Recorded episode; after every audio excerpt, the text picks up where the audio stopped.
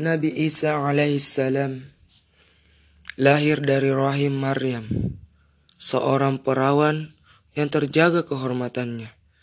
Kisah Nabi Isa menjadi bukti mukjizat dan kebesaran Allah Subhanahu wa taala. Nabi Isa merupakan nabi dan rasul ke-24 dari 25 nabi dan rasul yang patut diimani. Nabi terakhir Bani Israel ini diangkat Allah Subhanahu wa taala ke langit. Nabi Isa lahir pada masa Raja Herodes Romawi di Palestina tahun 1. Dia lahir da dari Maryam yang merupakan anak Imran yang kemudian diasuh oleh Nabi Zakaria alaihissalam.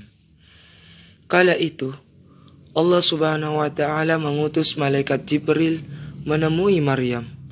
Sesungguhnya Aku hanyalah utusan Tuhanmu untuk menyampaikan anugerah kepadamu seorang anak laki-laki yang suci. Kata Jibril sesuai Quran Surat Maryam ayat 19. Maryam tak percaya mendengar ucapan itu. Bagaimana mungkin aku mempunyai anak laki-laki, padahal tidak pernah ada orang laki-laki yang menyentuhku, dan aku bukanlah seorang pezina, kata Maryam.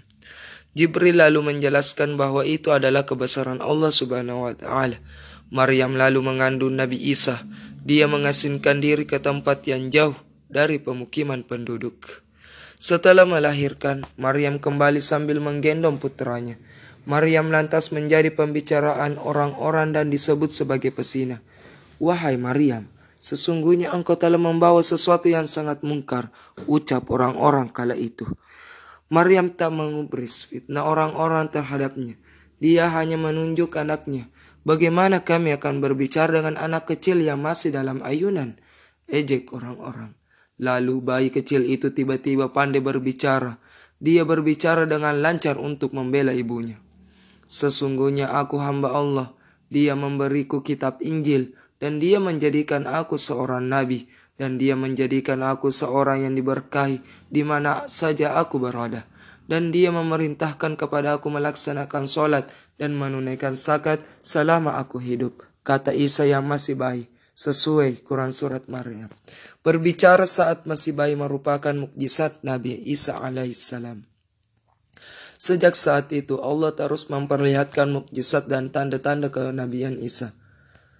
Dikutip dari The Prophets, kisah, kisah hikmah 25 Nabi karya Dian Novianti, ketika berusia lima tahun, Nabi Isa membuat dua belas burung-burung dari tanah liat. Nabi Isa juga mampu menghidupkan dua belas burung-burung tersebut. Nabi Isa juga bisa berjalan di atas air.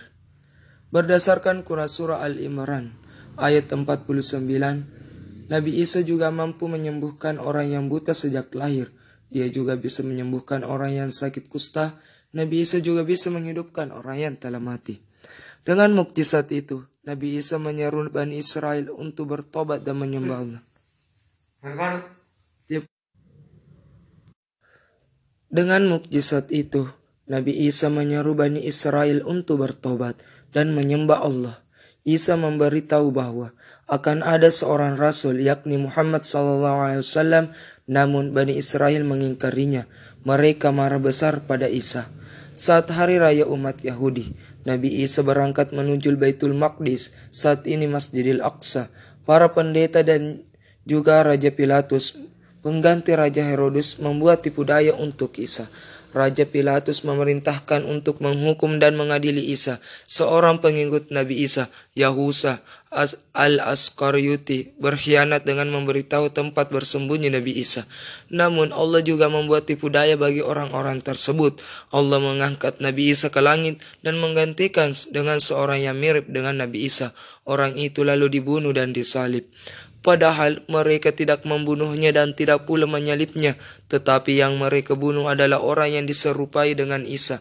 Sesungguhnya mereka yang berselisih pendapat tentang pembunuhan Isa selalu dalam keraguan-keraguan tentang yang dibunuh itu. Mereka benar-benar tidak tahu siapa sebenarnya yang dibunuh itu, melainkan mengikuti persangkaan belaka. Jadi mereka tidak yakin telah membunuhnya. Firman Allah dalam surah An-Nisa ayat 157. Allah lalu berfirman kepada Isa bahwa Isa diangkat ke langit. Wahai Isa, aku mengambilmu dan mengangkatmu kepadaku karena serta menyucikanmu dari orang-orang kafir dan menjadikan orang-orang yang mengikutimu di atas orang-orang kafir hingga hari kiamat. Kemudian kepadaku engkau kembali, lalu aku beri keputusan tentang apa yang kamu perselisihkan. Bunyi Quran Surah Ali Imran ayat 55. Nabi Isa merupakan pilihan Allah yang diberikan kepada Maryam. Tanda-tanda kenabian Isa terlihat dari sejumlah mukjizat yang dimilikinya. Kisah Nabi Isa alaihissalam menjadi bukti mukjizat dan kebesaran Allah Subhanahu wa taala.